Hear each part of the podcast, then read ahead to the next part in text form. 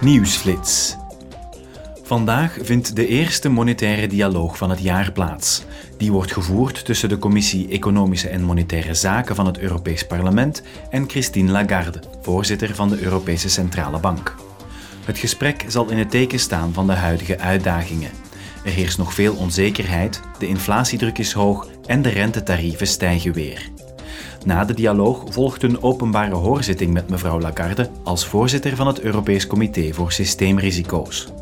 In september vorig jaar waarschuwde dat comité voor kwetsbaarheden in het financiële systeem van de EU.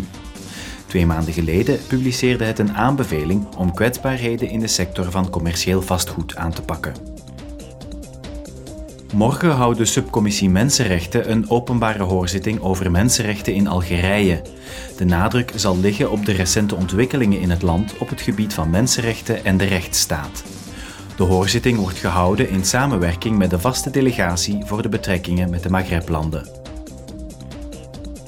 Verder houdt ook de Commissie Ontwikkelingssamenwerking morgen een publieke hoorzitting.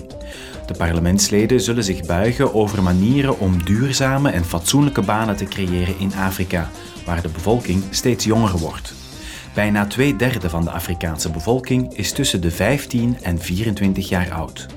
Om duurzame ontwikkeling mogelijk te maken zijn meer degelijke banen nodig.